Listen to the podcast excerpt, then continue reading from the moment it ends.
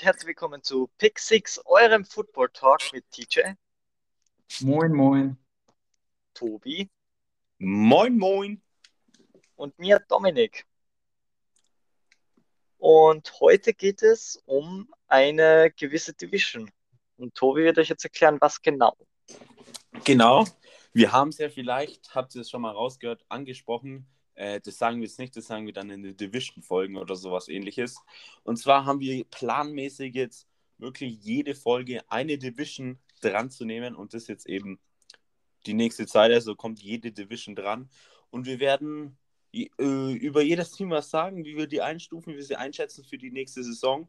Werden dann am Schluss noch äh, in der Division selbst ranken, wer so die beste Offense, die beste Defense hat. Und ja, dann werden wir einen recht guten Überblick haben über die Division und auch eine kleine Prediction, wie wir denken, wie sie ausschauen wird. Und ich habe mich mit dem Platz 1, des Le der, den letztjährigen Platz 1, habe ich mich mehr beschäftigt und das waren die Buffalo Bills. Und zwar habe ich dazu wichtige Sachen aufgeschrieben. Die zwei wichtigsten Abgänge waren wohl John Brown, äh, Receivers zu den Las Vegas Raiders und Quinton Jefferson, ein Interior Defensive Liner, ist auch zu den Las Vegas Raiders. Dafür hatten sie sehr wichtige Resigns. An der Stück waren es 13. Die wichtigsten waren auf jeden Fall Matt Milano, der Linebacker, äh, Darrell Williams, deren Right Tackle, Mike Hyde, Safety, John Feliciano, Left Guard und Mario Edison, Edge Rush. Das waren wohl deren wichtigsten Resigns, kann man sagen. Und da haben sie natürlich auch in der Free Agency zugegriffen und Spieler verpflichtet. Unter anderem Mitchell Trubisky, Quarterback von den Chicago Bears, war ja da letztes Jahr weitgehend Starting Quarterback. Ist jetzt ein netter Backup, würde ich sagen. Und falls Josh Allen mal ausfallen sollte, ist es eigentlich ein recht guter Backup, würde ich sagen. Dann haben sie noch em Emmanuel Sanders, Receiver von den New Orleans Saints, geholt. Und ja, bei den New Orleans Saints musste, war ja Frühlings-Sonderverkauf. Es musste alles raus. Und da haben sie sich einen extrem strongen Receiver geholt. Und dann sage ich noch vielleicht zwei wichtige Sachen zum Draft, dass wir dann den Kader an sich fertig haben, was sich verändert hat. Äh, in den ersten zwei Runden, zwei Runden haben sich zwei Defensive End geholt mit Greg, Gregory Rousseau und Boji Basham. Waren zwei Edge Rusher, die sie sich geholt haben. Das ist jetzt so mal der Kader, was sich verändert hat über die Season. Die Bills hatten letztes, letztes Jahr ein extrem gutes Jahr, würde ich jetzt sagen. Sie kamen ins AFC Championship Game, sind dort rausgeflogen die, gegen die Kansas City Chiefs. Und vor allem, wer extrem überzeugt hat, war Josh Allen. Hat ähm, eine Breakout-Season gehabt, muss man ja sagen. Er hat brutal dominiert. Wir haben ja auch letzte Folge schon über Josh Allen ein bisschen geredet, weil ihr zwei, also TJ und Dominik, hatten ihn als Prediction als MVP tatsächlich, weil er auch eben eine extrem krasse äh, Season gespielt hat. Und dann haben sie natürlich auch mit Stephon Dix einen Top 3 Receiver in der ganzen NFL, würde ich sagen. Das habe ich mir ja aufgeschrieben, auch die Buffalo Bills kommen in den Pros extrem mit ihrer High-Scoring Offense und überhaupt mit ihrer Offense, weil die macht Punkte, Punkte, Punkte. Das ist extrem krass, was die an Punkte machen und so. Mach jetzt erstmal Stopp und lasst euch doch auch mal im Gespräch teilnehmen. Wolltest du ja auch irgendwas zu den Bills sagen, was ich bis jetzt vielleicht noch nicht genannt habe, unbedingt? Wenn ich gleich mal was sagen darf. Ich finde, du Ja. hast eigentlich alles, du hast alle wichtigen ähm, Neuzugänge, generell alle äh, ähm, Kaderveränderungen genannt. Und was noch immer nicht in meinen Kopf reingeht, ist irgendwie Michelle, Mi- Michelle Trubisky. Ich krieg das nicht, dass der bei den Bills spielt. Ich weiß es, ich habe ich hab alles gesehen, aber ich, ich werde es erst ähm, realisieren, wenn er dann wirklich in einem Bills Jersey an der Sideline steht und Josh Allen beim Touchdown machen zuguckt. Aber bis dahin ist er für mich trotzdem noch ein Chicago Bear, weil irgendwie passt das für mich nicht.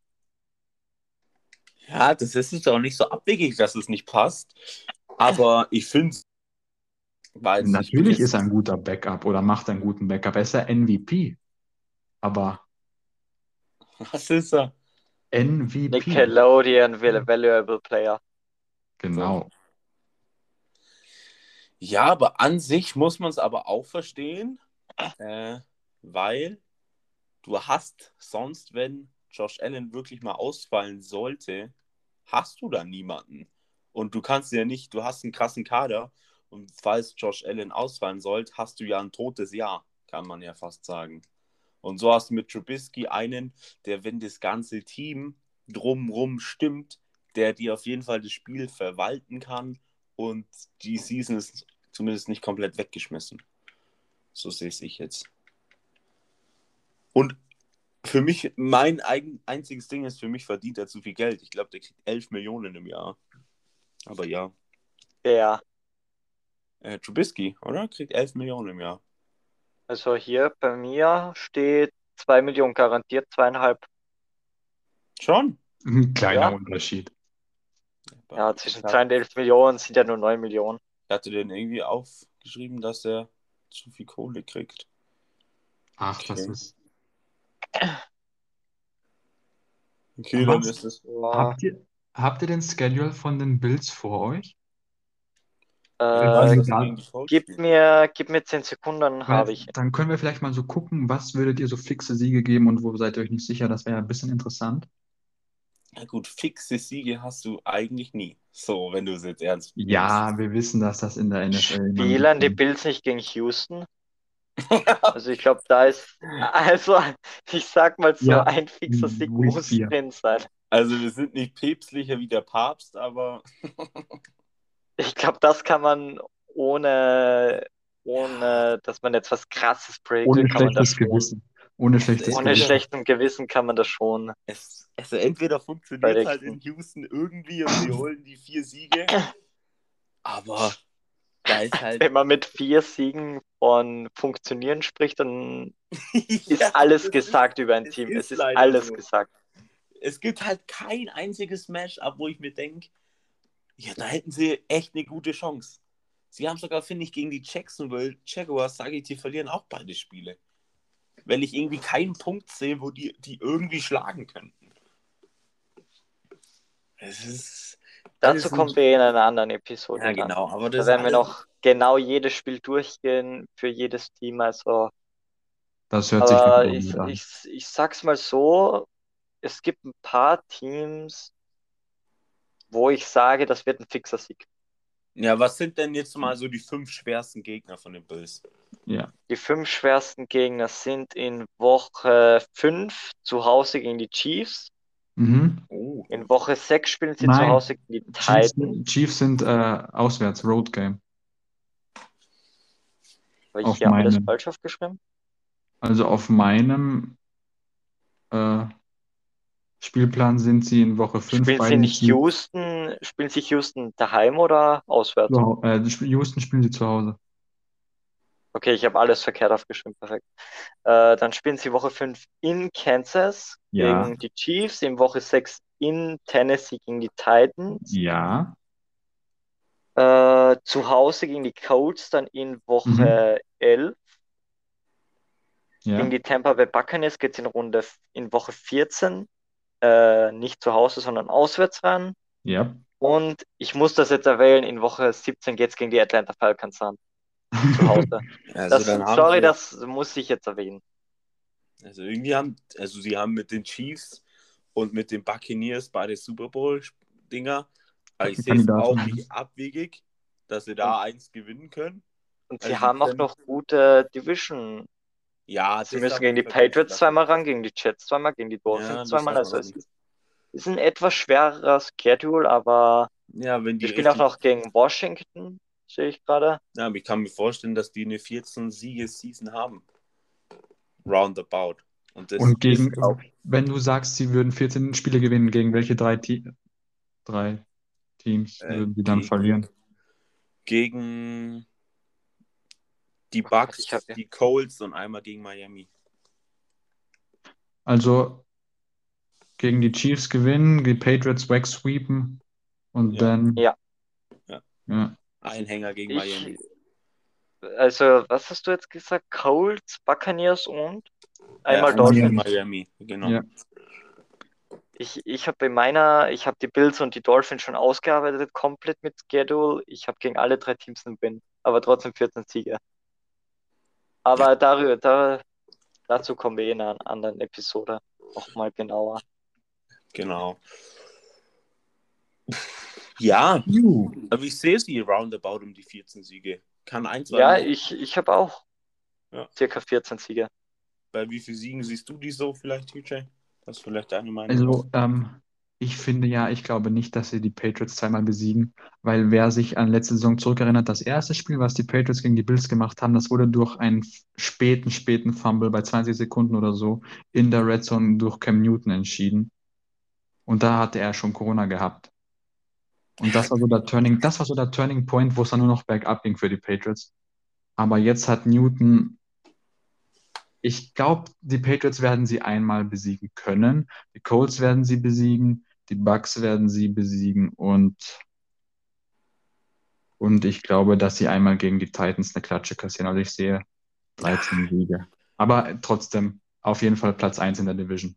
ja, das, Das Ja. auf jeden Fall. Das hätte ich jetzt am Ende gemacht, wenn wir alle Teams vorgestellt haben, aber wir können auch jetzt, das ist relativ klar, dass wir alle Ja. eigentlich als Platz 1 die Bills sehen. Wie wir es dann in den anderen Dings sehen, können wir dann später vielleicht sagen, noch, wenn wir dann am Ende sind.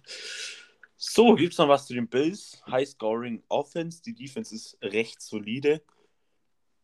Die Roundabout- Defense wird immer unterschätzt, finde ich. Ja, Also die Defense ist eigentlich, wenn man sich die Defense jetzt mal so anschaut, Auf dem Papier die eigentlich nicht schon, auf dem Papier sieht die verdammt, verdammt gut aus, aber die wird meistens jetzt nicht so gut dargestellt. Also das ist für mich schon äh, im besten Fall ist das eine Top 5 Defense. na, das Aber das wird- ansprechen. Für Vor mich sind allem, die halt also Secondary ist für mich, ich finde Secondary ist wichtiger als die Front 7. Und die Secondary ist extrem stark. Gehst Die haben einen Top Coverage 3 Sacks? Die haben einen Top 3 Safety, die haben einen Top 3 Cornerback. Die haben noch zwei andere Cornerbacks, die sehr stark gespielt haben. Ja, Top 5 Defense ist ja schon, ich Also- würde vielleicht schon sehr, sehr um hoch. die 10, 11, 12 rum, aber Top 5. Ich sage ja nur, wenn alles gut läuft, wird das eine Top 5 Defense sein. wenn alle Also Top Colts 10 auch ist es Top auf 5 jeden O-Line. Fall. Ja. Wenn alles gut läuft, haben die Colts auch eine Top 5 Offense. Kannst genauso sagen. Ja, Wenn alles sein, gut ja. läuft, ja. Ich bete dafür. Gut, wolltest du noch was sagen zu den Bills? Oder ist damit zuerst mal alles genannt? Die Falls Bills-Mafia mal- wird's regeln. Falls da noch was ist, kann man es ja immer noch hinzufügen. Genau. Also So. die wichtigsten Spieler sind gesagt worden. Also Mir ist gerade was random eingefallen. Die Bills-Mafia ist dazu bekannt oder dafür bekannt, äh, Tische kaputt zu springen. Wie wäre ich es, Angst. wie wäre es, dass wenn die, die Buffalo Bills nächste Season äh, den Super Bowl gewinnen, dass wir auch irgendwas in Richtung Tische ähm, verspringen machen? Kannst ja Ich, besorge den Tisch und du springst rein, Ja? TJ. Passt. Und Tobi kommt her, um das zu filmen. Ja, wahrscheinlich. Ich bin über, ich bin über Skype dabei. Ich habe kein Skype, hast du Skype, TJ? Nö, habe ich Das nicht. kann man sich schnell Okay. Aber so weit kommt es, glaube ich, nicht, weil die Ravens kommen in den Super Bowl. Das war, ich wollte nämlich nur wissen, wie ihr das einschätzt. Genau. Gut zu wissen. Ist jetzt nichts, was ich jetzt extrem favorisieren würde. Also, aber solange du in den Tisch reinspringst, bin ich dabei. Ja, Passt. ich würde das auch gern sehen, muss ich sagen. Das hast mich heiß gemacht. Kommt, kommt dann als, als Video auf unserem Instagram-Account Als online, Insta-Reel. falls das passiert. Als Real, genau. Gut, kommen Ja. wir zum Zweitplatzierten. Auf zu Miami. Genau. Genau. Äh, Miami Miami, ja haben wir zusammen vorbereitet, weil vier Genau. Teams, wir sind zu dritt. Wie Wir haben so davor immer, wir haben Wie so wir davor immer so reden gefragt, wer, wer welches Team möchte, beziehungsweise wer, wer welche zwei Teams möchte. Und Dolphins ist bei jedem von uns immer als zweites genannt worden. Ja. DJ hat gesagt, hey, ich will Patriots und Dolphins machen. Tobi hat gesagt, hey, ich will Bills und Dolphins machen. Ich habe gesagt, ich will Jets und Dolphins machen. Also ist das eigentlich perfekt abgelaufen. Jetzt müssen wir sie alle machen. Verdammt. Ja. Nee, die Dolphins, sind die sind wenig. ja, kann man sagen, wenn ich jetzt mal so ein bisschen mal anfangen darf, das ist ja über die Divisions so ein kleiner Division-Talk auch, wie wir das einschätzen. Und ich sehe eine ganz geile Zukunft bei den Bills, ah, bei den Dolphins. Sie haben ein extrem junges Team. Sie haben in der Zukunft echt viele Draft-Picks und sie waren für das, dass sie noch jung sind, vor drei Jahren hat- oder die waren ja echt noch nie wirklich so gut oder halt lange Zeit jetzt nicht mehr stark. Und ich finde, die Dolphins haben eine sehr vielversprechende Zukunft. Wenn ich mich da jetzt nicht aus dem Fenster lehne. Die können, wenn sie ihre nächsten Picks in den nächsten Jahren auch so gut verwenden, können die über längere Zeit einen Playoff-Contender sein. Und wenn da mal der große Sprung ist bei einem paar Spieler, die dann wirklich zu extrem, extremen Brücken werden, auch mal, wieso auch nicht mal den Super Bowl gewinnen. Also ich sehe die Dolphins ziemlich hoch, muss ich sagen. Oder Wenn- Wenn Jacoby Brissett startet, dann ja. ja, Mit Tua nicht. Reset. Mit Tour nicht, nein. Mit Also, Tour.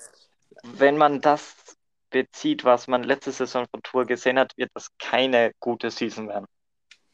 Ich glaube, da sind wir uns einig, dass der sich noch ein bisschen, aber nur ganz leicht, ein bisschen zusammenreißen soll. Er hat ja auch gesagt, für ihn fand er den Sprung in die NFL gar nicht so schlimm. Er hat sich schlimmer vorgestellt. Und seitdem ging es irgendwie nicht bergauf, ne? Ja, man muss sagen, es, er, also er kann auf jeden Fall noch was zeigen. Ich würde ihn auf jeden Fall noch nicht abschreiben. Das auf keinen Fall. Bloß muss er halt jetzt dann mal was zeigen. Sonst Ich habe ihn abgeschrieben. Nach einer Saison kannst Ja. Nein, das-. Nein, das natürlich nicht. Aber Er das war die nächste Saison. Miami hat auch ein gewisses Risiko eingegangen, weil jetzt hast du keinen Papa Fritz Magic, der dir die Season rettet, sondern jetzt muss.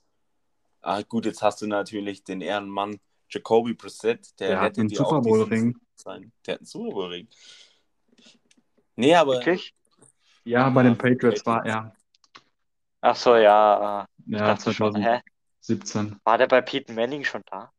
Nein, nein, nein. Der wurde von den Patriots gedraftet, vierte Runde, glaube ich, Ja, 2016, ich, ich, 17. ich, kenne die Geschichte von ihm. das wäre 2006 gewesen. Und Da war er noch nicht da. Also, Ja, okay. Um ein paar Jährchen jetzt verrechnet, aber Da hat er im Kindergarten Football gespielt. Sehr erfolgreich. ja. Da hat er sich ein paar Ringe abgestaubt, aber das ist eine andere Geschichte. Ja, wer will denn mit den Dolphins Kader mal anfangen? Was Ich mache die? Resigns. Weil das Weil das zwei Leute sind. Und Weil ich das ich sind. beide nicht kenne. Ja, dann mache ich mal so den Kader an Ab- und Zugängen. Sie haben, wie ich schon gerade angesprochen habe, Ryan Fitzpatrick verloren. Der ist jetzt, soweit ich weiß, Starting Quarterback in Washington. Ja. Dann haben sie Kyle Van Noy verloren, ein Edge Rusher. Geht wieder nach New England. Kam ja auch damals von New England, oder? So wie ich das. äh, Kommt von New England, geht wieder zu New England. Genau. Ja. Ach so, Und Karl noch- von Neujahr. Und noch Shark Larson, auch ein Edge Rusher, geht nach Houston. Weil Houston hat ja 40 Spieler geholt und da gehen viele hin. Das waren die wichtigsten Abgänge. Jetzt kommen wir noch zu den wichtigsten Zugängen, weil die Resigns macht ja natürlich TJ, die will ich ihm ja jetzt nicht weglassen. Sie haben geholt äh, Bendrick McKinney von den Houston Texans, haben sie eingeholt. Ben Arkwick. Benardrick, was habe ich gesagt? Keine Ahnung, irgendwas Falsches. Okay. Wenn du, wenn, wenn du was falsch aussprichst, ist bei mir immer so im Hinterkopf so eine Klingel. Okay. Dann Adam Butler, Interior Defensive Liner von den New England Patriots. Irgendwie habe ich Gefühl, von den, in den letzten Jahren wechseln die Spieler von den Dolphins zu den Patriots wie, keine Ahnung was. Dann haben sie noch einen wichtigen geholt mit Will Fuller von den Texans. Die Dolphins hatten ja ein Receiver-Problem. Letztes Jahr kann man fast sagen. Hat man auch gesagt, auf wen sollte Tour schmei äh, schmeißen. Und ich will jetzt den Draft dann Dominik nicht wegnehmen, falls er den machen will. Aber sie haben ja eingedraftet, einen Receiver und eben Will Fuller geholt von den Texans. Auch ehemaliger First Rounder. Ist schon etwas erfahren und kann auf jeden Fall im Receiver-Core der Dolphins extrem brillieren, glaube ich. Und dann noch Malcolm Brown, Running Back von den Rams. Ja, sie hatten oder haben immer noch extreme Schwierigkeiten im Run-Game und der soll da ein bisschen Verstärkung geben. So, TJ, jetzt leg los. Und dann Resigns. Wen haben sie geresigned? Mit den Das- zwei. Mensch, das Team aus Miami hat zwei wichtige Resigns gemacht und das ist Jason Sanders, der Kicker. Sehr freundlicher Mann, hat die Nummer 7. Sorry. Kickt äh, erfolgreich Dominik Ficky. Entschuldigung. Er kickt er? erfolgreich Field Goals und der wurde resigned. Zune- Zudem haben sie dann auch noch Vince Beagle Linebacker geholt. Auch ein sehr, sehr nettes Lächeln. Hat die Nummer 47. Sehr guter Linebacker. Ist noch sonst als zu den Dolphins was loswerden? Ähm, sie haben coole Jerseys. Er hat ein bezauberndes Lächeln, ich komme nicht mehr klar. Also ich würde sagen, ich würde halt gern sagen, TJ ist im Podcast dabei für gutes Aussehen und gute Stimmung. Für gute Stimmung, Aber stimmt beides nicht. für gute Stimmung passt dann eher wie für gutes Aussehen. Mach bitte weiter, Dominik. Wir wollen wieder was. was Ja, äh, was. Draft, sie hatten zwei Draft-Picks, hatten ja den dritten, vierten, dritten, ja, dritten, Fünf. den dritten Ach, Pick im Draft hätten sie eigentlich gehabt von den Houston Texans für irgendeinen Trade, weiß gerade nicht für wen. Äh, sind dann runtergegangen auf 12 mit den 49ers und sind dann wieder hochgegangen auf 6. Haben sich damit dann ihren, ich denke mal, Nummer 2 Receiver geholt mit äh, Jalen Waddle. Und dann hatten sie in der Runde 18 noch ihren normalen, nenne ich es jetzt einfach mal, Pick von diesem Jahr mit Jalen Phillips, ein Edge Rusher bzw. Defensive End, beziehungsweise Outside Linebacker haben sie sich damit geholt. Und das sind so die wichtigsten. Sie haben sich dann auch noch in der zweiten Runde einen der größten Ziels geholt mit Liam Eichenberg, äh, einem Offensive Tackle und ansonsten eigentlich auch einen sehr guten Draft gehabt, aber darüber haben wir eh schon gesprochen. Äh, Impact. Jalen Waddle wird noch nicht einen sofortigen Impact haben, weil er war jetzt eine Saison nicht da, er hat ausgesetzt wegen Covid.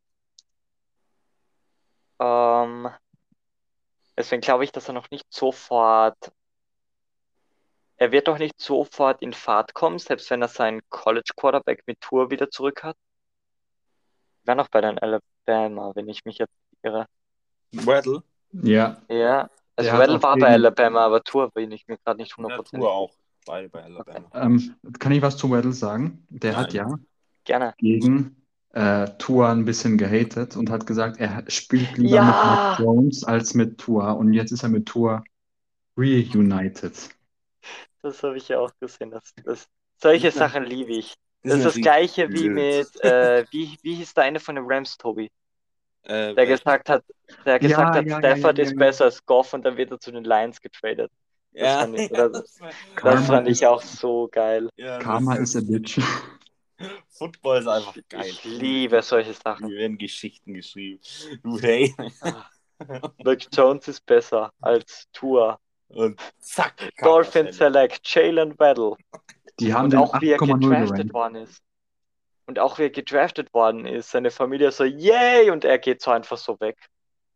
Mit einer Ja, gab, da Sonnenbrille. gab es auch Diskussionen nach dem Draft, äh, wo Ja. die Dolphins, da, ah, nicht die Dolphins, wo die äh, Eagles Dings Devontae Smith gepickt haben, sah es so aus, als ob Devontae Smith keinen Bock hat auf die, oder er hat zumindest irgendwie nicht glücklich gewirkt und seine Ausrede oder sein, er hat da gesagt, der Grund war, weil er gern früher gepickt worden wäre.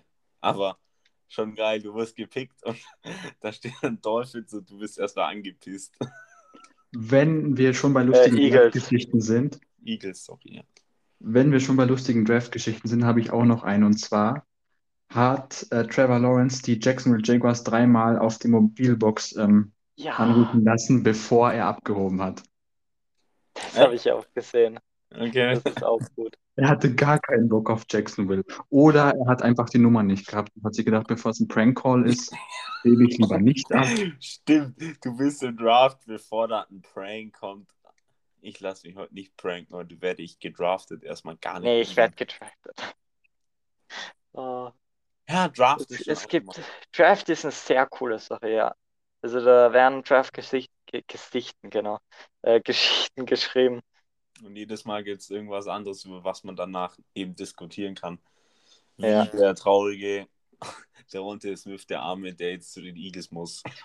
Wir könnten auch mal über den Draft mit Philip Rivers und Eli Manning diskutieren. Stille. Äh, lieber War das, nicht. hä, das, das war doch, das war doch Philip Rivers mit Drew Brees. Drew Nein. Brees wurde irgendwie gedraftet und dann wurde irgendwie? Nein. Nö und nein. Nö und nein. Ähm, dazu War das nicht irgendwas, dass irgendwie Nein. Rivers von den Saints gedraftet wurde und dann irgendwie die San getradet Diego wurde? Chargers hatten den First Overall Pick und haben Eli Manning gedraftet. Der da wollte war das mit Manning. den Chargers, genau. Und deshalb hat er mit den Giants getradet, die davor Philip Rivers, äh, die äh, Picks später Philip Rivers ähm, gedraftet haben. Diese beiden Picks wurden getauscht. Krass, dass du da als Spieler so eine Entscheidung fällen kannst. Ich will da nicht hin. Der Draft sollte dafür da sein. Wer dich pickt, da gehst du hin. Du meldest Ja. dich ja auch im Draft ein, an, äh, mit dem Wissen, du musst zu dem Team, was dich pickt. Egal welches. Sein Vater hatte da äh, sehr, sehr großen Einfluss Ja, auf die sowas, Entscheidung. sowas wird es heutzutage safe nicht mehr geben. Da bin Nee. ich mir sehr sicher. Wenn du sagst, ich will da nicht hin, dann wirst gesperrt von der NFL und wirst nie ein Spiel machen in der NFL. Also, da musst du Aber es gut, nehmen, wie es kommt. Nehmen Ja. wie ein Mann. Was war mit Tom Bradys Opa? Was, was? Das war ein OG, das war ein richtig guter Witz. Dominik, ich bin stolz auf dich. Der Hey, was, gut. was da? Ich hab's, ich hab's nicht mitgekriegt. Tobi, wenn ich es jetzt erkläre, dann ist es nicht mal lustig. Der Oder Zug du ist verwechselst, abgefahren. oder du verwechselst ihn mit Nick Foles, aber auf jeden Fall. Ja, das, das wäre das wär die zweite Möglichkeit. Ja, wollen wir uns den Dolphins Schedule mal angucken, um wieder zum Thema zurückzukommen? Genau. Äh, Dolphins Schedule habe ich hier sogar offen. Außer dass sie halt gegen die Bills zweimal müssen und gegen die Patriots. Was sind sonst so die fünf stärksten? Ja, Jetzt, jetzt Division ausgeschlossen. Division ausgeschlossen, das weiß man ja. Okay. Woche 3, nee, nee, ah, nee, sag ich mal nicht. Äh, Woche 4 zu Hause gegen die Colts. Woche 5 in Tampa Bay. Woche 7 Atlanta. Du müsstest, genau, wollte ich gerade sagen, du müsstest Atlanta auch sagen. Woche, was ist das jetzt 15 oder 16 gegen? Auswärts bei den Saints und eine Woche darauf auswärts bei den Titans. Woche 3 auswärts bei den Raiders kann man auch noch dazu sehen. Also sind schon Ey, ich finde die Ravens dabei. und die Panthers, Ravens und Panthers, die ist auch nicht so ein easy win. Äh, Raiders sind schon. Ach, Ravens, stimmt. Ravens und Ravens, Panthers. ja. Ja, Ravens. in Woche 10 und in Woche 12. Ja. Ravens habe ich hier einen Win gegeben, deswegen habe ich die nicht vorgelesen. Oh. Ich habe das vorgelesen, wo ich ein L daneben habe. Meiner Prediction. Big Shoes gegen meinen viele- Super Bowl Contender. Wie viele Sie Siege ähm, gebt ihr den Dolphins? Das sage ich noch nicht. Wenn ich gehatet werde, dann erst in einem Monat, wenn wir darüber reden. Wie viel gibst du denn? Oh, ich, das ist ein bisschen schwierig, weil ich glaube, einmal gewinnen sie gegen die Patriots, einmal verlieren sie gegen die Patriots, wie eigentlich jedes Jahr seit gefühlt 1960. Ähm, gegen die 52. Tut mir aufrichtig leid. Der kleine Zahlendreher, ich, ich, ich entschuldige mich hiermit. Ähm, gegen die Bills wird schwierig. Ähm, Colts sehe ich einen Loss, Bucks sehe ich einen Loss. Ähm, Ravens wird kritisch. Bei den Panthers bin ich mir nicht sicher, weil die Panthers können Vollgas aufdrehen oder sie können einfach komplett ähm, deklassiert werden. Titans sehe ich ein Los. Naja, das wird knapp. Sag, was du denkst. Aber ich ich kann es nicht sagen, aber um die neun, zehn, acht Siege. Okay, ja, ich sehe es ja tatsächlich auch so, dass sie zehn, ich- also ich glaube, dass sie zehn Siege schon haben können und dann eben knapp die Playoffs verpassen werden, weil die AFC einfach so stark ist, dass du mit ähm, Also gleich wie dieses Jahr. nee, Das ist genau, dass du einfach ja. mit zehn Siegen die Playoffs nicht schaffst in der starken Division. Und in der NFC ist man mit sieben, äh, mit sieben Siegen auf Platz 4.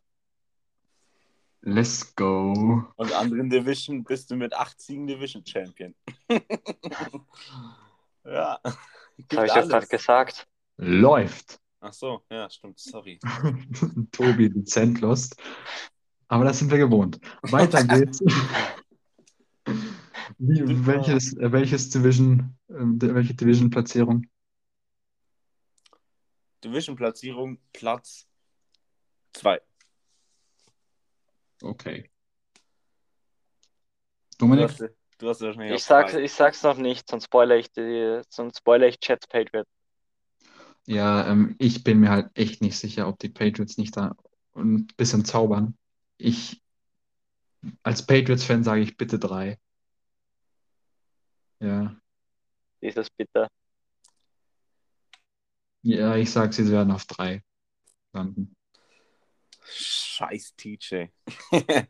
Gut, ich Äh. würde sagen, somit haben wir die Dolphins auch Nicht so frech. fertig. Und das Nummer 3 Teams hat unser Showmaster TJ vorbereitet. Mit den New Orleans, New Orleans Saints, ja, mit New England Patriots. Ja. Mit Ja. den New Orleans Patriots. Ach, komm. Mit ihrem Quarterback Drew Newton Und dem Backup und Ähm, dem Backup Taysom Jones. Taysom, Jones, genau. Hört sich nicht mal so schlecht an, Taysom Jones.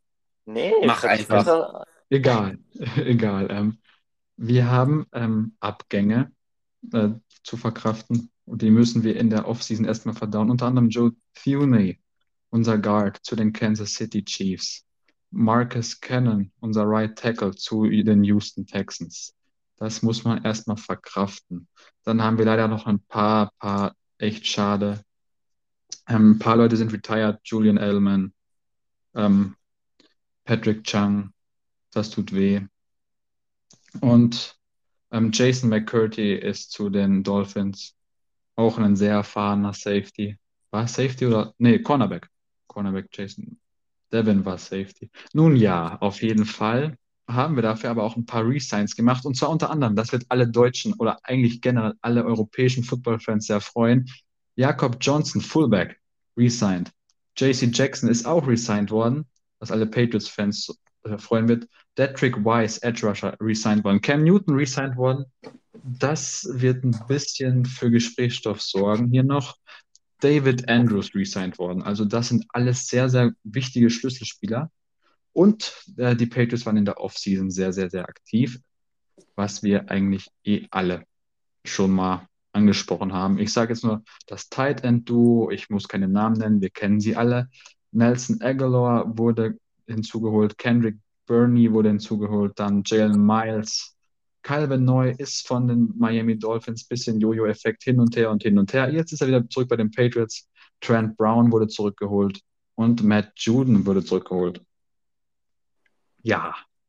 Wollt ihr gleich mal was dazu sagen, Dominik? Äh, Cam Newton Resign kann man sich wieder drüber streiten. Wir haben jetzt mit Mac Johnson vorerst Backup. Ähm, es wird nächste Saison einfach sehr, sehr schwierig werden für die Patriots, weil die Bye-Week ist, um es mal nett auszudrücken, bescheiden. Ja, es, es wird Woche schwierig. 14 ist die Also Bye-Week. ich, ja, that's the problem. Das Programm ist Ich hart. glaube, ich glaube, sagen wir es mal so, Playoffs sind nicht drin. Das Also tut dafür ist weh. die, dafür ist die AFC viel zu stark. So, sie haben, und außerdem haben sie eine komplett neue Offense. Sie haben im Vergleich zu der letzten Saison haben sie von den, von den, jetzt fällt mir der Name nicht ein. Startern? Danke. Oh, Starter. Von den Startern haben sie jetzt irgendwie sechs neue Spieler von elf. Es ist ein Offense Guard neu. Es sind zwei Wide Receiver, zwei Tight Ends und noch und der Left Tackle ist Trent Brown oder wie der heißt. Ja, Ist der Left Tackle? Ja. Ja. Das sind sechs von elf Spielern sind neu.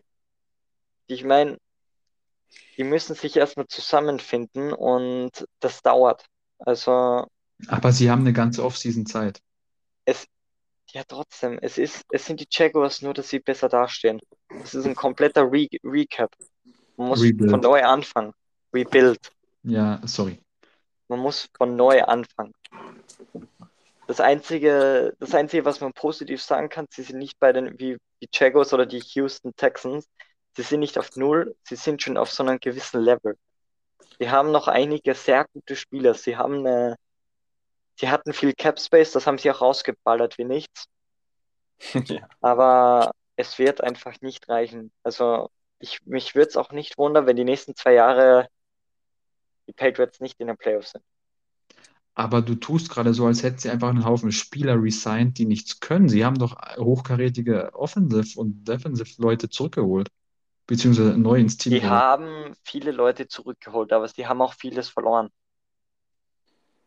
Ich bin auch, das haben wir in unserer allerersten Folge schon gesagt, Nelson Aguilar bin ich 0,0 Fan von. Also, wenn man einen Deep Read Wide Receiver holt für einen Quarterback, du, du bringst ja, du bringst ja auch jetzt keinen Deep Read Wide Receiver zu einem Big Ben, der nach zwei Sekunden im Ball weg ist. ja.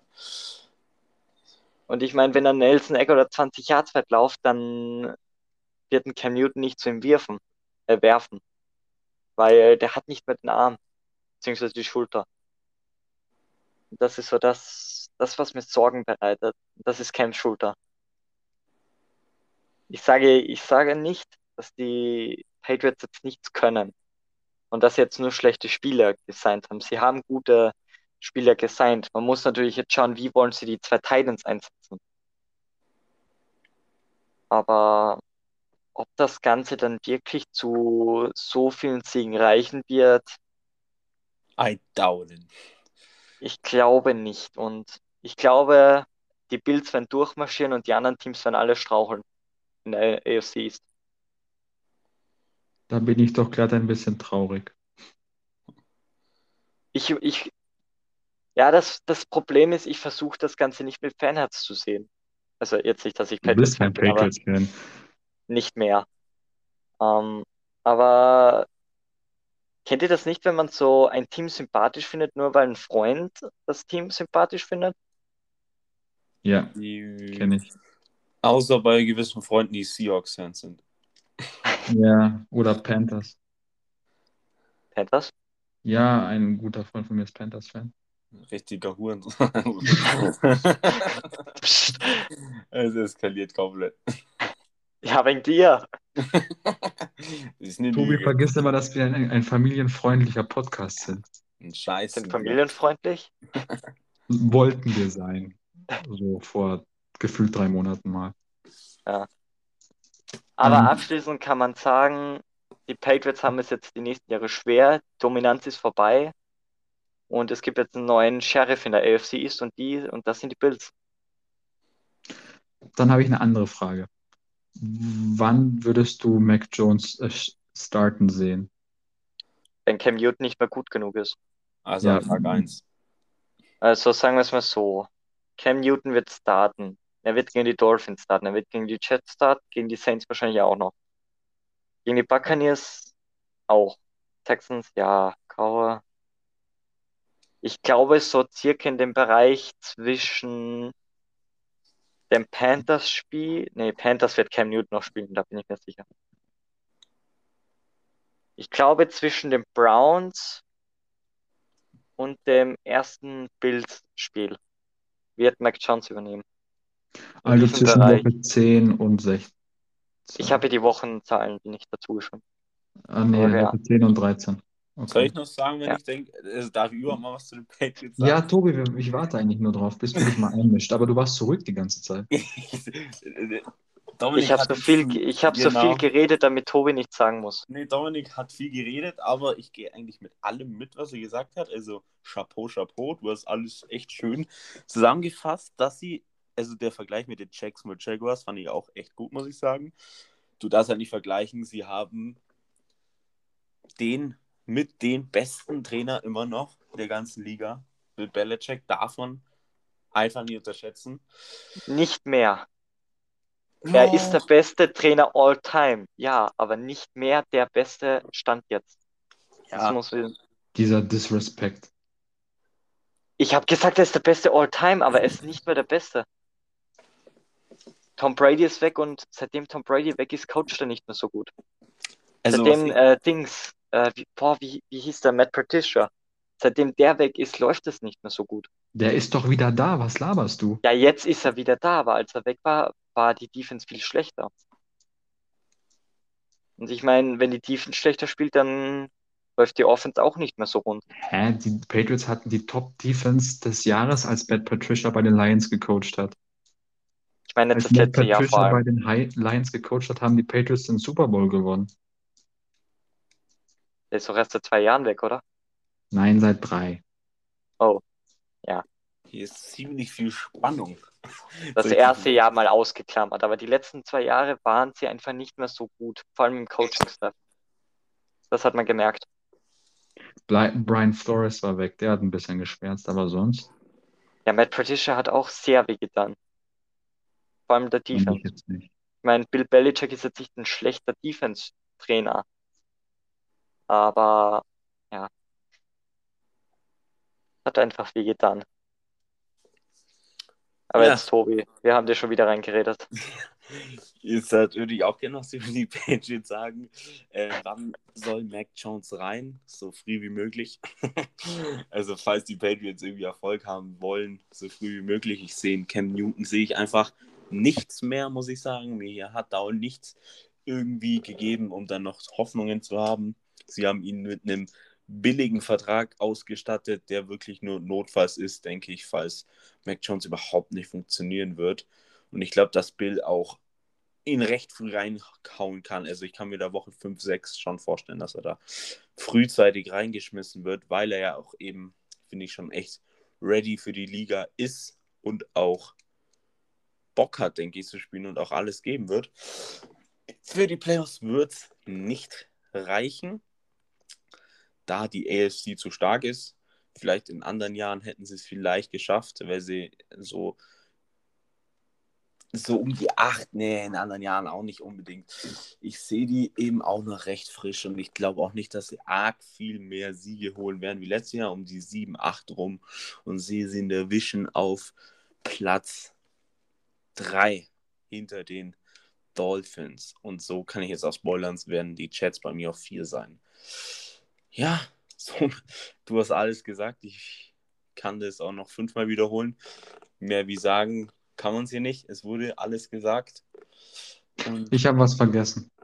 ja, dann hau raus. Die Opt-outs kommen zurück und unter anderem auch zurück. ähm, Dante Hightower. Mehr wollte ich gar nicht sagen.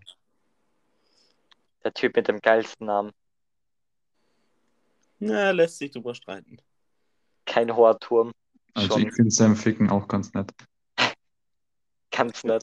Ich finde Hat er- Goose auch ganz nice. Teacher hat er auch so ein sympathisches Lächeln wie Vince Beagle. Also ich finde sein Nameplate äh, besser als sein Lächeln, aber darüber lässt sich streiten. Aber eine Sache muss ich noch schnell hinzufügen. Patrick Chung ist retired. Jetzt. Frage an dich, TJ. Jo. Wie sehr schmerzt das?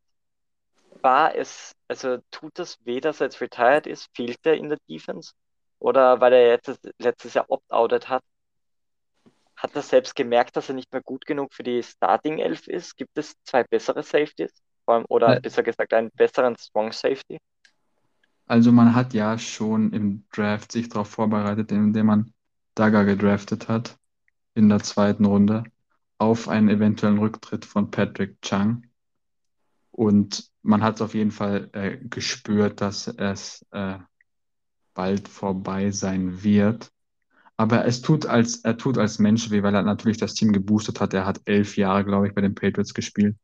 Er war einfach diese Konstanz in der Defense, diese Erfahrung, die kriegst du nicht mehr, die kriegst du nicht mehr so schnell, vor allem nicht auf der Safety-Position. Das tut schon ein bisschen weh. Aber ich glaube, dass die Patriots das gut kompensieren können und ähm, dass die Lücke relativ schnell gefüllt werden wird. Also ist es spielerisch eine Verlet Verschlechterung von Chang auf Dagger. Im Moment ja, noch. Das wollte ich hören. ich bin ein kleiner Patrick Chung-Fan. Ich finde sein Spielstil geil. Ja, ich hätte ihn auch gern nochmal spielen sehen, muss ich sagen. Ja, hätte ihn ich auch. Es hat, es hat wehgetan, als ich gelesen habe, Patrick Chung ist retired. Ja, Habe ich kurz mal drei Tage lang geheult. Aber ansonsten. kurz. Ja, komm. Dominik, der Mann, der über retired Spieler länger weint als über. Ähm, Ich habe doch, ich hab doch eh gesagt kurz. Drew Brees habe ich drei Wochen lang geheult. Drew Brees. und Edelman, Äh, Edelman drei Jahre. du bist also noch Du aktiv. weinst noch. Ja! Und Philip Rivers? Der kann weg. Oha. Was soll das jetzt heißen? Nein, ich meine natürlich nur bei meinen Lieblingsspielern. Also, äh, TJ, du weißt, was das los ist, wenn R Rivers war ein guter Spieler, er war ein sehr guter Spieler. Sein Spiel Spielstil, genau. Sein Spielstil war Bombe. Ich würde gern, dass Big man- Ben-like, nur mit weniger, nur mit weniger Stärke. Also eher Pocket-Passer. Aber er war nie einer meiner Lieblingsspieler. Ich will, ich würde gern, dass man nicht mehr sagt, äh, das ist ein guter Trash-Talker, wenn jetzt ein Quarterback Trash-Talkt, sondern das ist ein guter River. Weil er ist einfach der Gott des Trash-Talkens, Alter. Das ist, wird fehlen. Je, nach Oh. jedem Play nochmal reingetalkt. Ist Rivers der beste Trash-Talker? Ja, ist Ja. schon mit oben. Ja, Schon- sehr weit oben. Da gibt es Ja. Compilations. Das ist einfach geil. Wenn ich jetzt so drüber nachdenke, mir keiner ein, der besser ist im Ja. Trash-Talken. Also, Also, ja. halt, über das haben wir jetzt auch noch gar nicht so groß geredet. Also dieses Jahr sind schon viele geile Spieler retired. Muss man Ja. jetzt einfach mal sagen. Also die Liga hat viele echt geile Spieler verloren. Darüber können wir rein theoretisch auch noch eine Folge machen. So in einem Monat, wenn wir mit den Divisions fertig sind. Da hätte ich tatsächlich echt Bock. Weil da gibt es echt Ja. Da viele gibt da gibt's echt viele. und diese Folge wird noch chaotischer als die, die wir jetzt gerade machen. Und die ist Ja. schon chaotisch. Und hier sind wir schon seit einer Viertelstunde vom Thema abgekommen. Ja. Ich würde Das mal sagen, unser Aber gut vom Thema abgekommen. weil Ist doch gut. Ist doch auch mal schön. Auf zu den New York Jets. Das ist mein Stichwort. Die Jets hatten einige Abgänge. Darunter Sam Darnold. War klar, dass der gehen muss, ist zu South Carolina Panthers gegangen, ist 23 erst tatsächlich noch. Ist er mit 20 oder so in die Liga gekommen. Hat 19? bei den Jets, 20. hatte bei den Jets keine Konstanz, aber immer so ein paar richtig geile Plays. Es sind die South Carolina Panthers, TJ. Nein, es sind die Carolina Panthers. Es sind nur die Der Carolina. State, wo die South Carolina Panthers sind, sind ist South Carolina. Also, Und unser, im Discord kam gerade die Nachricht, wo es mich triggerst, dass ja, ich, ich wollte es auch gerade sagen. Nein, nein, nein, nein, nein. Die äh, Carolina Panthers sind in Charlotte ähm, located und das liegt in North Carolina. Aber der Name des Teams ist ja South Carolina Panthers, oder? Nur die, Nein. nur die Carolina Fans. Carolina Panthers. Was mache ich seit vier Jahren falsch eigentlich? Das sagst du immer. Du sagst South Carolina, es heißt Carolina. Ja, ich, ich sag schon seit vier Jahren South Carolina Panthers. Ich schreib's auch immer so. Danke, dass du mir nach vier Jahren mal schreibst, TJ, dass es dich nervt, wenn man South Carolina sagt. Nach vier Jahren. Ah. Okay, sehr schön. South. Okay, und ebenfalls zu den South Carolina Panthers gegangen ist Pat Eifline, der Left Guard. Der ist jetzt auch weg. Henry Anderson ist nach New England gegangen, Jordan Jenkins nach Houston und Brashard Perryman nach Detroit. Sind hauptsächlich, äh, ja, sind zwei Front Seven Leute und ein Wide Receiver.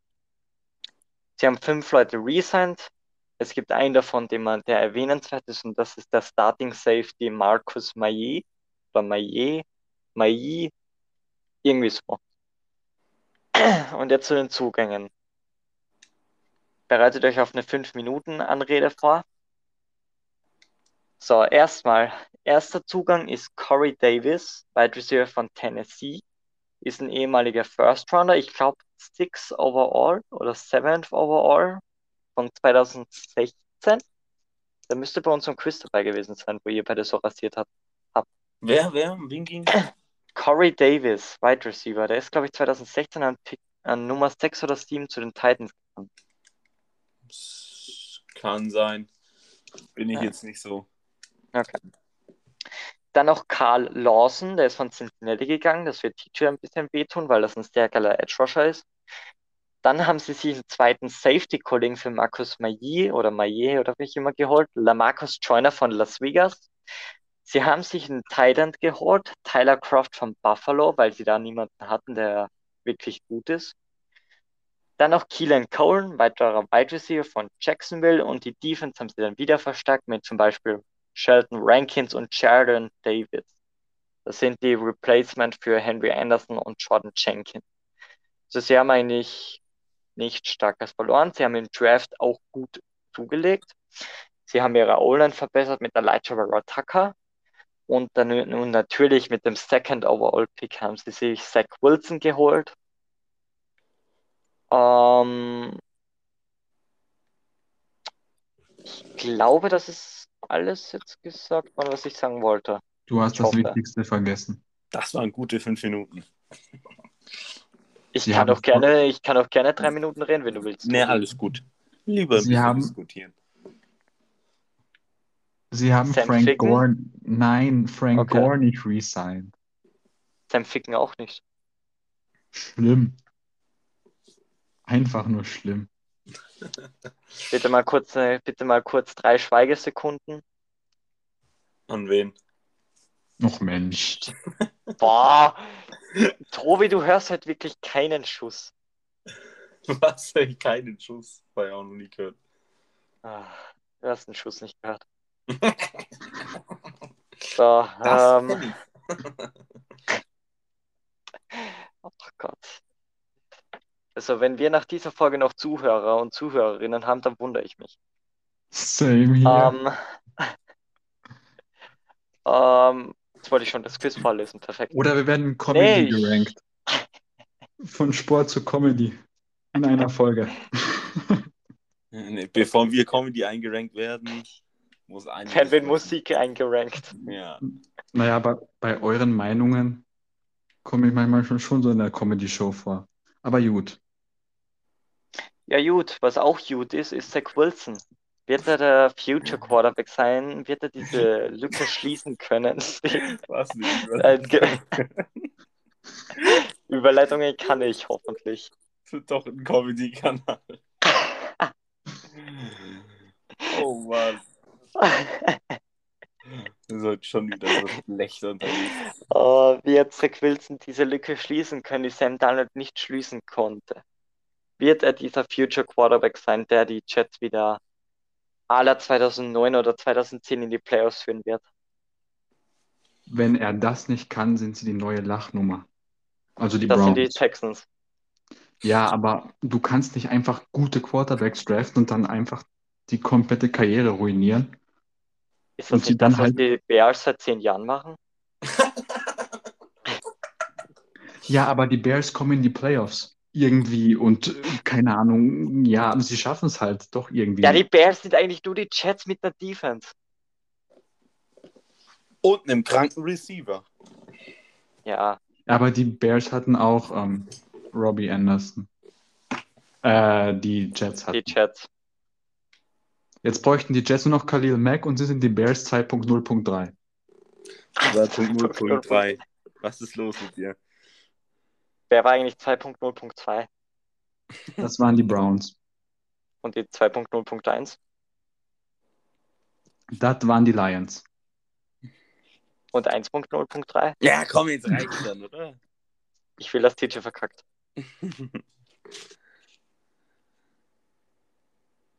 Willst du die Antwort wirklich wissen? Nein, lass es.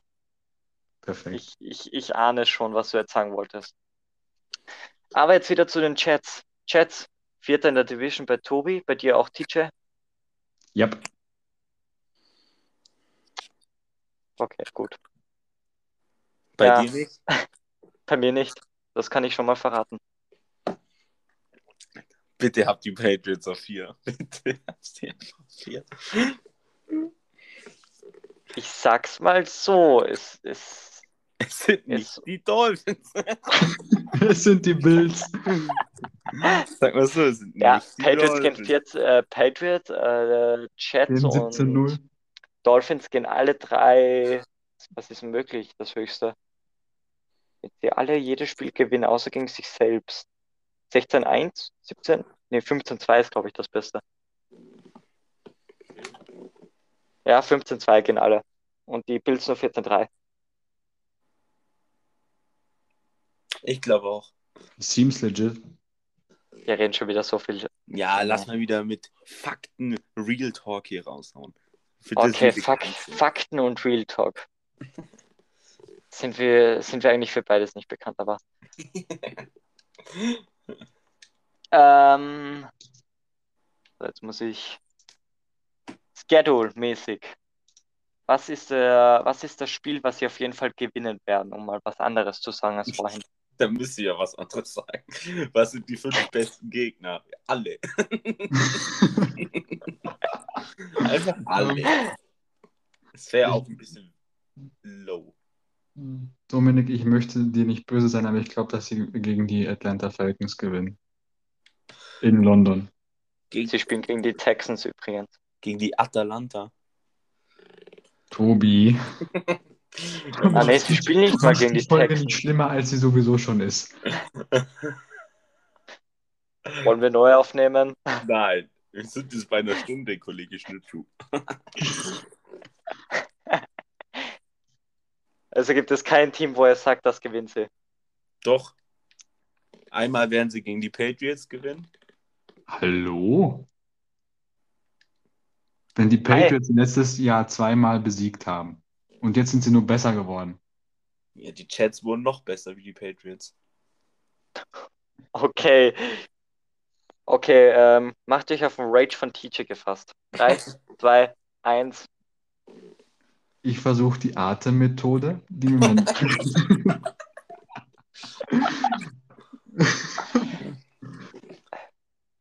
Oh, das ist so gut. Wollen wir jetzt mal wieder was Produktives raushauen oder war es das für heute damit? Ähm, habt ihr was Produktives? Äh, sie gewinnen gegen die Jacksonville Jaguars in Woche 16. Oh, es wird ein cooles Duell. Das ist doch sogar ein London-Game, oder? Sie sind in London, ja. Ja, das ist cool. Sie werden auch gegen die Eagles gewinnen. Und gegen die Texans. Was habe ich da für einen Schedule, wenn ich da Colts und äh, Colts und Falcons in London habe? Äh. Falcons spielen gegen Miami in London, oder? Hm. Colts leider kein London-Game. Ich wäre nicht hingekommen. Ja, ich vermutlich jetzt auch nicht unbedingt, aber ja. Ja, gut. Ähm, so, um jetzt wieder mal was Produktives zu machen. Was ist dein Ranking? Dein Wird- Division Ranking? Ähm, Lass ihn doch mal ausreden jetzt. Ich will das die ganze Zeit schon wissen. was denn? Dein Ranking, und wo du jetzt wen gerankt hast. Okay, auf 1 die Jets. Auf 2, nee, auf 1 natürlich die Bills. Sehr klar. Auf der 2 habe ich tatsächlich die Jets. Auf zwei. auf, auf zwei. zwei. Ja, Wenn das eintrifft, Und dann spendiere ich dir. ganz dicken Zehner. Warte, ich Ich wollte auf Super Bowl-Tickets gehen, aber mit dem Zehner kann ich auch leben. es gibt Gut, ganz das, das haben wir jetzt auf Band. Das haben wir auf Band. Wenn die Jets dieses Jahr auf Platz 2 kommen, kriege ich 20 Euro. Perfekt. gibt's einen dicken Zehner. War einen ganz dicken. Äh, Richtig auf dicken. 3 auf drei und auf 4 habe ich die Patriots und die Dolphins mit dem gleichen Rekord. Ja, das ist plitsch, platsch, platsch. Du redest bloß Quatsch. Ich sag mal so, es gibt kein Team in dieser Division, das weniger als 5 Siege haben wird. Was es gibt? Es gibt kein Team in dieser Division, das weniger als 5 Siege haben wird. Doch. Was In meiner- hast du gesoffen? Die Jets, Ähm, du kannst dich Einen nach blauen, dunkelblau. Nach einer Offseason kannst du nicht schon so krass von denen reden. Das finde ich jetzt ein bisschen überspitzt, muss ich sagen. Das konnten nur die Colts. Die Colts haben ja schon gezeigt, dass sie was drauf haben. Hm, ja, Sagen wir so, die Jets haben einige knappe Spieler verloren letzte Saison. die Bengals aber auch teilweise so deutlich auf die Sie haben zum. Beispiel auch die Rams besiegt. Sie haben Das solltest du dich eigentlich noch sehr gut erinnern können. Herr Tobi. Tobi. das war auch nicht mehr wie irgendwie ein Lucky Punch. Lucky Punch. So, wollen wir jetzt noch die Divisions nach Defense und Offenses ranken? Habt Und ihr da noch Special Lust Teams. zu? Na, Special Teams kennt man, kenne ich mir jetzt nicht so gut aus, dass ich das jetzt sagen kann. Damit wir, damit wir bei irgendwas vollkommen falsch liegen. Also Offense werde ich wahrscheinlich mit allen mitgehen, wenn ich sage, das sind die Bills auf 1. Yes, sir. Ja, Dann, ich würde auch mal weitermachen. Die zweitbeste Offense würde ich tatsächlich, obwohl es jetzt dunkel klingt, den Jets geben. gehe ich mit. Ich nicht. Tom Ähm, dann? ja. Nein, nein, nein, nein, ich sag einfach Okay. nichts. Ich sag nur ja oder nein. Dann die drittbeste Offense Miami und die schlechteste die Patriots. Da hängt es davon Ich habe es andersrum. Ich Davon- habe Patriots 3, Dolphins 4. Davon hängt es ab, wie früh sie Jones reinhauen. Umso später, umso schlechter. Ja, dann habe ich es mal die. Wie hast du dann die Teacher? Ah, wie hast du dann die Offense Teacher, wenn du es jetzt gerade noch Ich nicht sagen wolltest? Bills, Patriots, Patriots. Jets, Dolphins. War ja klar, da spricht natürlich War das klar, dass er die Patriots wieder raus. hochhype. Ja, Fanherz. Dann, ja, Dominik, wie hast du die Defense gerankt? Defense habe ich die Bills auf 1. Ich glaube, da werdet ihr beide mir widersprechen. Da habe ich die Miami Dolphins auf 1. Das war klar. Ich die Patriots. Ja, kaum. Auf 2 habe ich dann die äh, Dolphins. Auf 2 habe ich Bills. Ich die Dolphins. Auf 3 habe ich dann die Patriots. Auch. Bills. Und 4 haben wir alle gleich die Jets. Yep. Dann jetzt Special. Teams. Jetzt muss Patriots. Teacher anfangen. Patriots. ähm, dann die Bills. Dann die Dolphins, dann die Jets. Patriots, Bills, Jets, Dolphins habe ich. Ja, auch Patriots, Jets, Bills, Dolphins. Interessant. Interesting. So, So. kommen wir zum Quiz. Oder gibt es noch irgendwelche Anliegen an die dir? Nein, nein, nein, nein, wir kommen noch nicht zum Quiz. Nach jeder Draft-Folge, ah, nach jeder Division-Folge, Nein, nein, nein, nein. Haben wir auch schon mal geredet. Haut jeder noch vielleicht ein, zwei Bold Predictions für die Division aus. Einfach Für die mal. Im Allgemeinen, Was? aber nicht auf die, nicht auf jedes Team. Nee, halt einfach mal so für die Division. Okay. Äh, Hast du eine zum Rauskitzeln, Dominik? Eine Bold Prediction. Ich habe eine. äh, warte kurz. Ich muss mir noch kurz den Schedule aufmachen, der Chat. Damit Dann ich schauen kann, wann das ist. Ja, dann lass Teacher als erster, der hat eine. Ich sage, dass Cam Newton die Patriots zu zehn Siegen führen wird.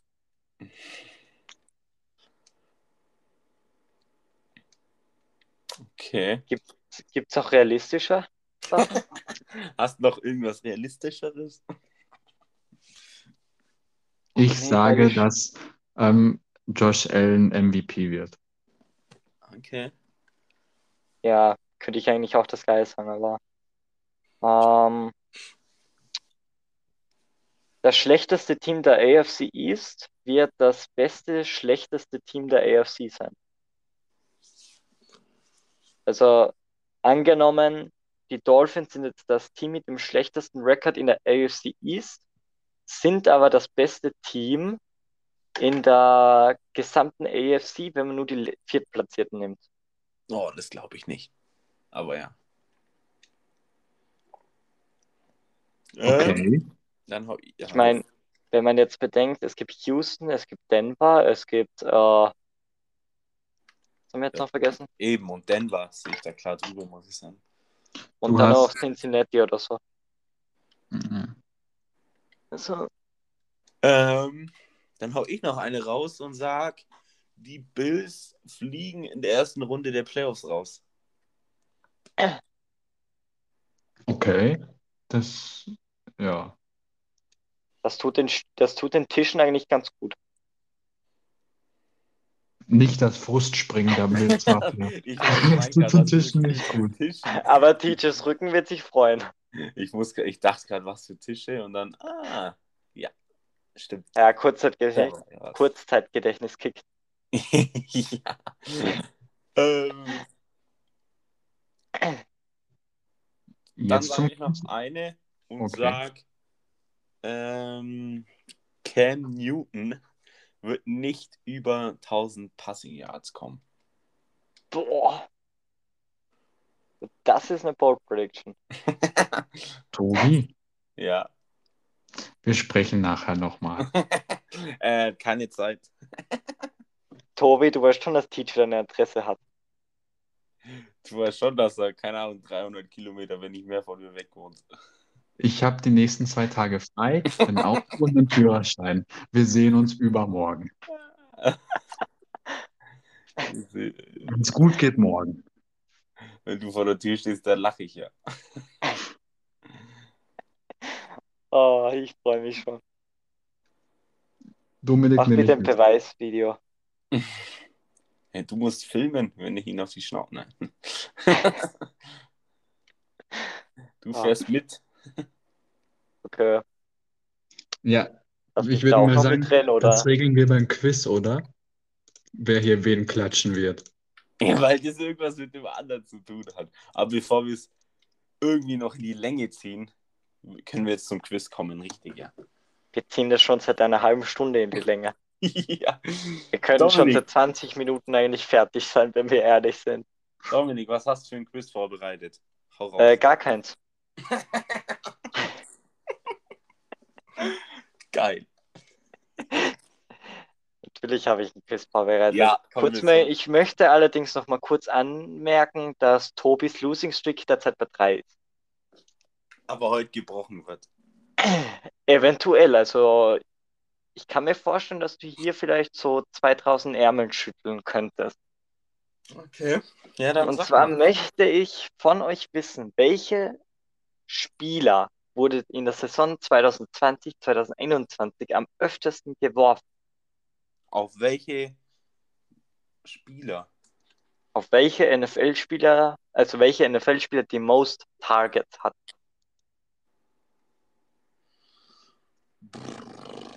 Darf ich anfangen? Du hast die Losing Streak. Sein Wichser. Du hast ich würd letzte Runde mal- verloren, also darfst du anfangen. Ich würde obvious sagen, der Wonte Adams. Das ist leider richtig. Ich wollte was sagen. Ich wollte schon. Ich wollte schon, ja. Er musste sich die ja nicht wirklich teilen. Kannst du die, die ähm, Position sagen? Receiver, hä? Ja. Nein, auf welcher Ra Pos Ranking-Position? Ach so, ja, Entschuldigung.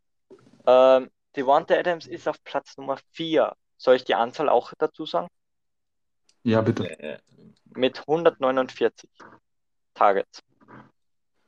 Okay. Ähm, Stefan Dix. Und damit haben wir den ersten Platz schon mal weg. Stefan Dix, auf ihn wurde 166 Mal geworfen.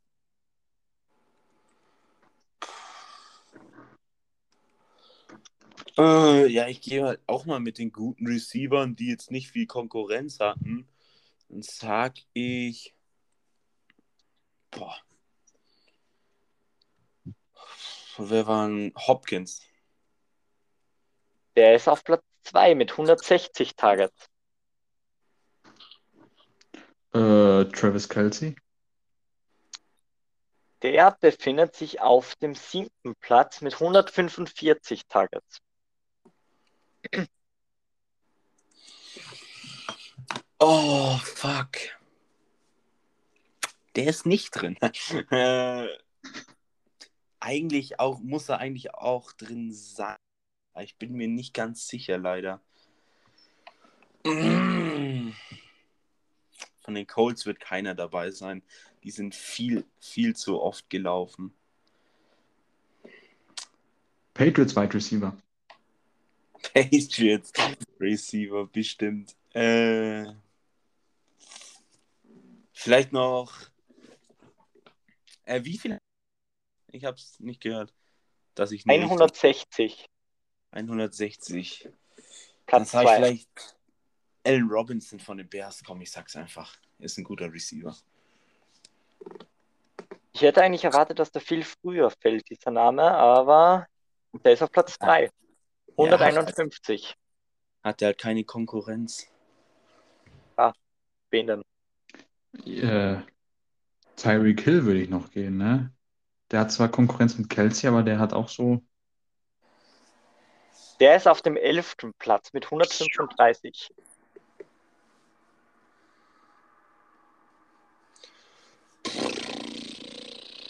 Justin Jefferson? Musste sich Äh, halt äh. teilen. Justin Jefferson befindet sich nicht in der Top 16. Fuck. Übrigens Top 16, weil Platz 15 und 16 sich den Platz teilen. Ja, TJ, mach weiter. Äh, mir fallen irgendwie die Chargers und Keenan Allen ein, weil der hat auch eigentlich keine große Konkurrenz. Ja, Keenan Allen. Platz 5 mit 147.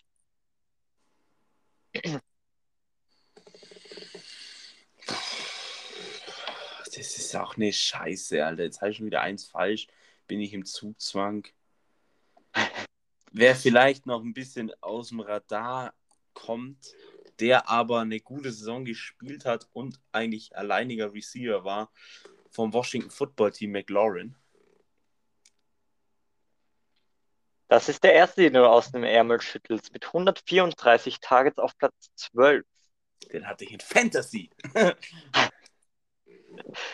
Wenn Tobi Fantasy Picks rausballert, dann baller ich Calvin Ridley raus, weil der hat in Fantasy auch extrem krass rasiert.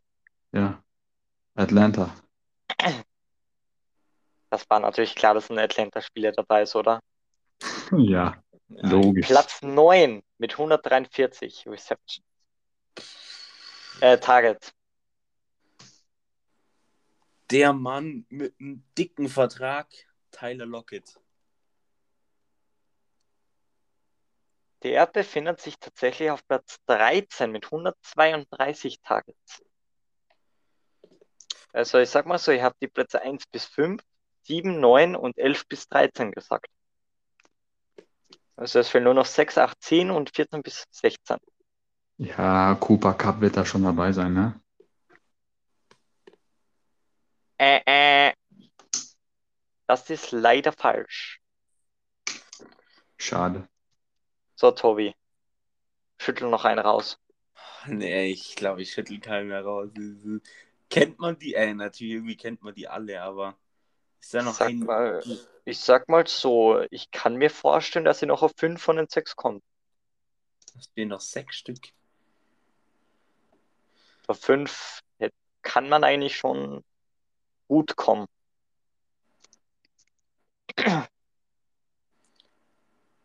Ich, dann nenne ich den Star Receiver der Rams mit Woods. Ja, falsch. Oder? Der ist tatsächlich auf Platz 15 Oh, fuck, mit Alter. 129 Targets. So, TJ. Äh, ähm, Raiders hatten keine Receiver außer Waller. Ja, Ist das deine Antwort? ja, Tight End Darren Waller. Las Vegas Raiders. Damit haben wir jetzt auch den sechsten Platz. 146 Targets. Ach, komm, kannst du nicht. Hat TJ schon einen falsch? Ja? Ihr habt beide einen falsch. Der nächste, der falsch liegt, hat verloren.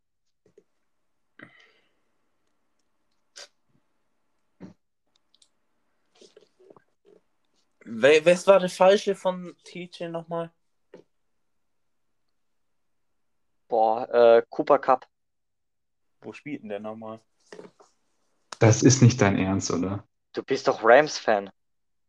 War ein Spaß.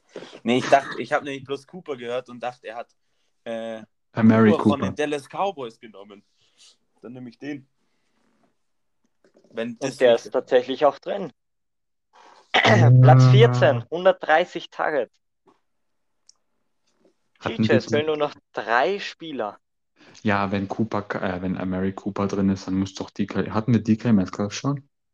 Nein, musst du sagen. Ja, dann nehme ich den. Platz 15 mit Robert Woods. Beide 129. Es fehlen nur noch Platz 8 und 10 und auf einen werdet ihr niemals kommen. Was? 8 und? 8 und 10 fehlen noch. Boah. Zwei Spieler auf einen von den beiden werdet ihr nicht kommen. Da bin ich mir sicher. Aber auf den einen, der ist underrated. Sehr underrated. Ist einer davon von den Carolina Panthers? Ich sag Vielleicht. Moore von den Panthers. Und das war der falsche. Ach. Dann war es DJ, Herzlichen Glückwunsch zu Gracias. deinem nächsten Win. Tobi, du baust deinen Vorsprung aus. Es wird ein, das wird eine, ähm, ist das? Das wird ein Vorsprung für die Ewigkeit sein, glaube ich. Äh, Robbie Anderson wäre noch auf Platz 10 gewesen mit 136 und auf Platz bist sogar 8 wäre. Und auf Platz 8 wäre Deontay Johnson gewesen von den Pittsburgh Steelers. Ja. Ich hätte noch Juju gesagt, weil der kriegt ja auch Tal. Welcher, äh, Deontay Johnson übrigens, welcher auf Platz 8 ist mit 144 Targets, hatte übrigens die meisten äh, Dropped Passes der Saison. Das war nicht Edel. Achso, Edelman war ja verletzt. Gut, ich würde sagen, die Folge ist lang genug jetzt. Ich bin ein bisschen traurig. Nein, alles gut. Ich komme, ich baue dafür irgendwann mal die längste Winning Streak auf. Wir sehen uns. Ich würde sagen, dann haben wir alles genannt, sind fertig mit der Folge. Wird hiermit die Folge beenden. Wir, mir hat sie immer extrem Spaß gemacht. Ich freue mich auf die zukünftigen Wochen, aufs Predicten der ganzen Divisions. Wir gehen mal, jetzt geht es wirklich rein in die Season, wie wir die Teams einstufen, wie sie reingehen. Ich hab Bock. So wie es sich anhört, so wie wir uns heute verlabert haben, sind die anderen zwei auch bestimmt recht motiviert. Und ich hoffe, euch macht es natürlich auch Spaß. Ne? Das ist natürlich das Wichtigste. Und damit verabschiede ich mich davon und überlasse das letzte Wort oder die letzten Worte den anderen zwei. Ja, auch mir hat es wieder sehr, sehr viel Spaß gemacht. Es war ein bisschen eine chaotischere Folge und ich habe meinen vollst, vollsten Respekt, wenn ihr bis zum Schluss durchgehalten habt, wenn ihr noch dabei seid. Dankeschön dafür und mir hat es, wie gesagt, sehr viel Spaß gemacht. Ich freue mich aufs nächste Mal und ciao. Auch ich bedanke mich fürs Zuhören. Ich wünsche euch eigentlich nur noch einen angenehmen Tag. Falls ihr im nächsten Februar nicht verpassen wollt, wie TJ auf einen Tisch raufspringt, könnt ihr uns gerne auf Instagram folgen. Unsere Seite heißt dort pick6 unterstrich der Football Talk. Könnt ihr uns alles schreiben, was ihr wollt. Nur, das wollte ich jetzt mal kurz am Ende ansprechen, bitte keine Hate-Nachrichten schreiben. Das ist halt Also in, am, konstruktiv, äh, konstruktive Ko- Kritik genau. ist ja Okay, aber Konstruktive Kritik ist immer willkommen, aber bitte keine Hate-Kommentare schreiben. Hatten, hatte ich vor zwei Tagen. Weshalb ich auch das nochmal kurz ansprechen wollte. Ich habe nichts gegen Justin Jefferson von den Vikings. Ich hatte den ja in der letzten Episode als Enttäuschung und ich meinte das nicht, dass er eine schlechte Saison haben wird mit nur 500 Yards oder so. Ich meinte damit einfach nur, dass er keine so gute Saison haben wird, wie er gerade gemacht wird. und es Er wird gerade als, er wird gerade als einer der Top 5 Wide Receiver dargestellt im Internet. Er wird dargestellt als der Nummer 1 Receiver der Vikings und das ist er nicht. Er ist nicht besser als ein Adam Thielen, er ist nicht besser als der Großteil der Top Wide Receivers. Er ist kein Nummer 1 Wide Receiver. Das hat er letzte Saison nicht gespielt und das wird er auch nächste Saison nicht spielen. Und genau das meinte ich davon, dass er nicht wieder die 1000 Yards packen wird, sondern dass es um die 700 Yards circa erfangen wird, aber nicht mehr so rasieren wird, wie er mit seiner Rookie-Season rasiert hat. Das wollte ich nochmal kurz anmerken, weil ich wollte das einfach nochmal kurz sagen. Und bitte schreibt bitte keine Hate-Nachrichten, egal ob jetzt an uns oder gegen oder an wen auch immer. Konstruktive So. Kritik ist okay. Genau. TJ hat jetzt einen Winning Streak von 4. Mal gucken, ob Tobi das irgendwann mal verbessern wird. Eine Wer Winning gerade Streak ge- von vier. Das kann ja gar nicht Er sein. hat jetzt doch, also er hat immer gewonnen und wenn man die, Ach wo so, er dann der mit dem Quiz war, wenn man das wegstellt, muss man ja, hat er jetzt einen Winning Streak von 4. Also TJ, kleiner, Sheesh. Google Wow. nicht so viel. Ähm, ich wünsche euch jetzt noch einen angenehmen Tag und dann hören wir uns am Donnerstag wieder, wenn wir über die AFC North sprechen werden.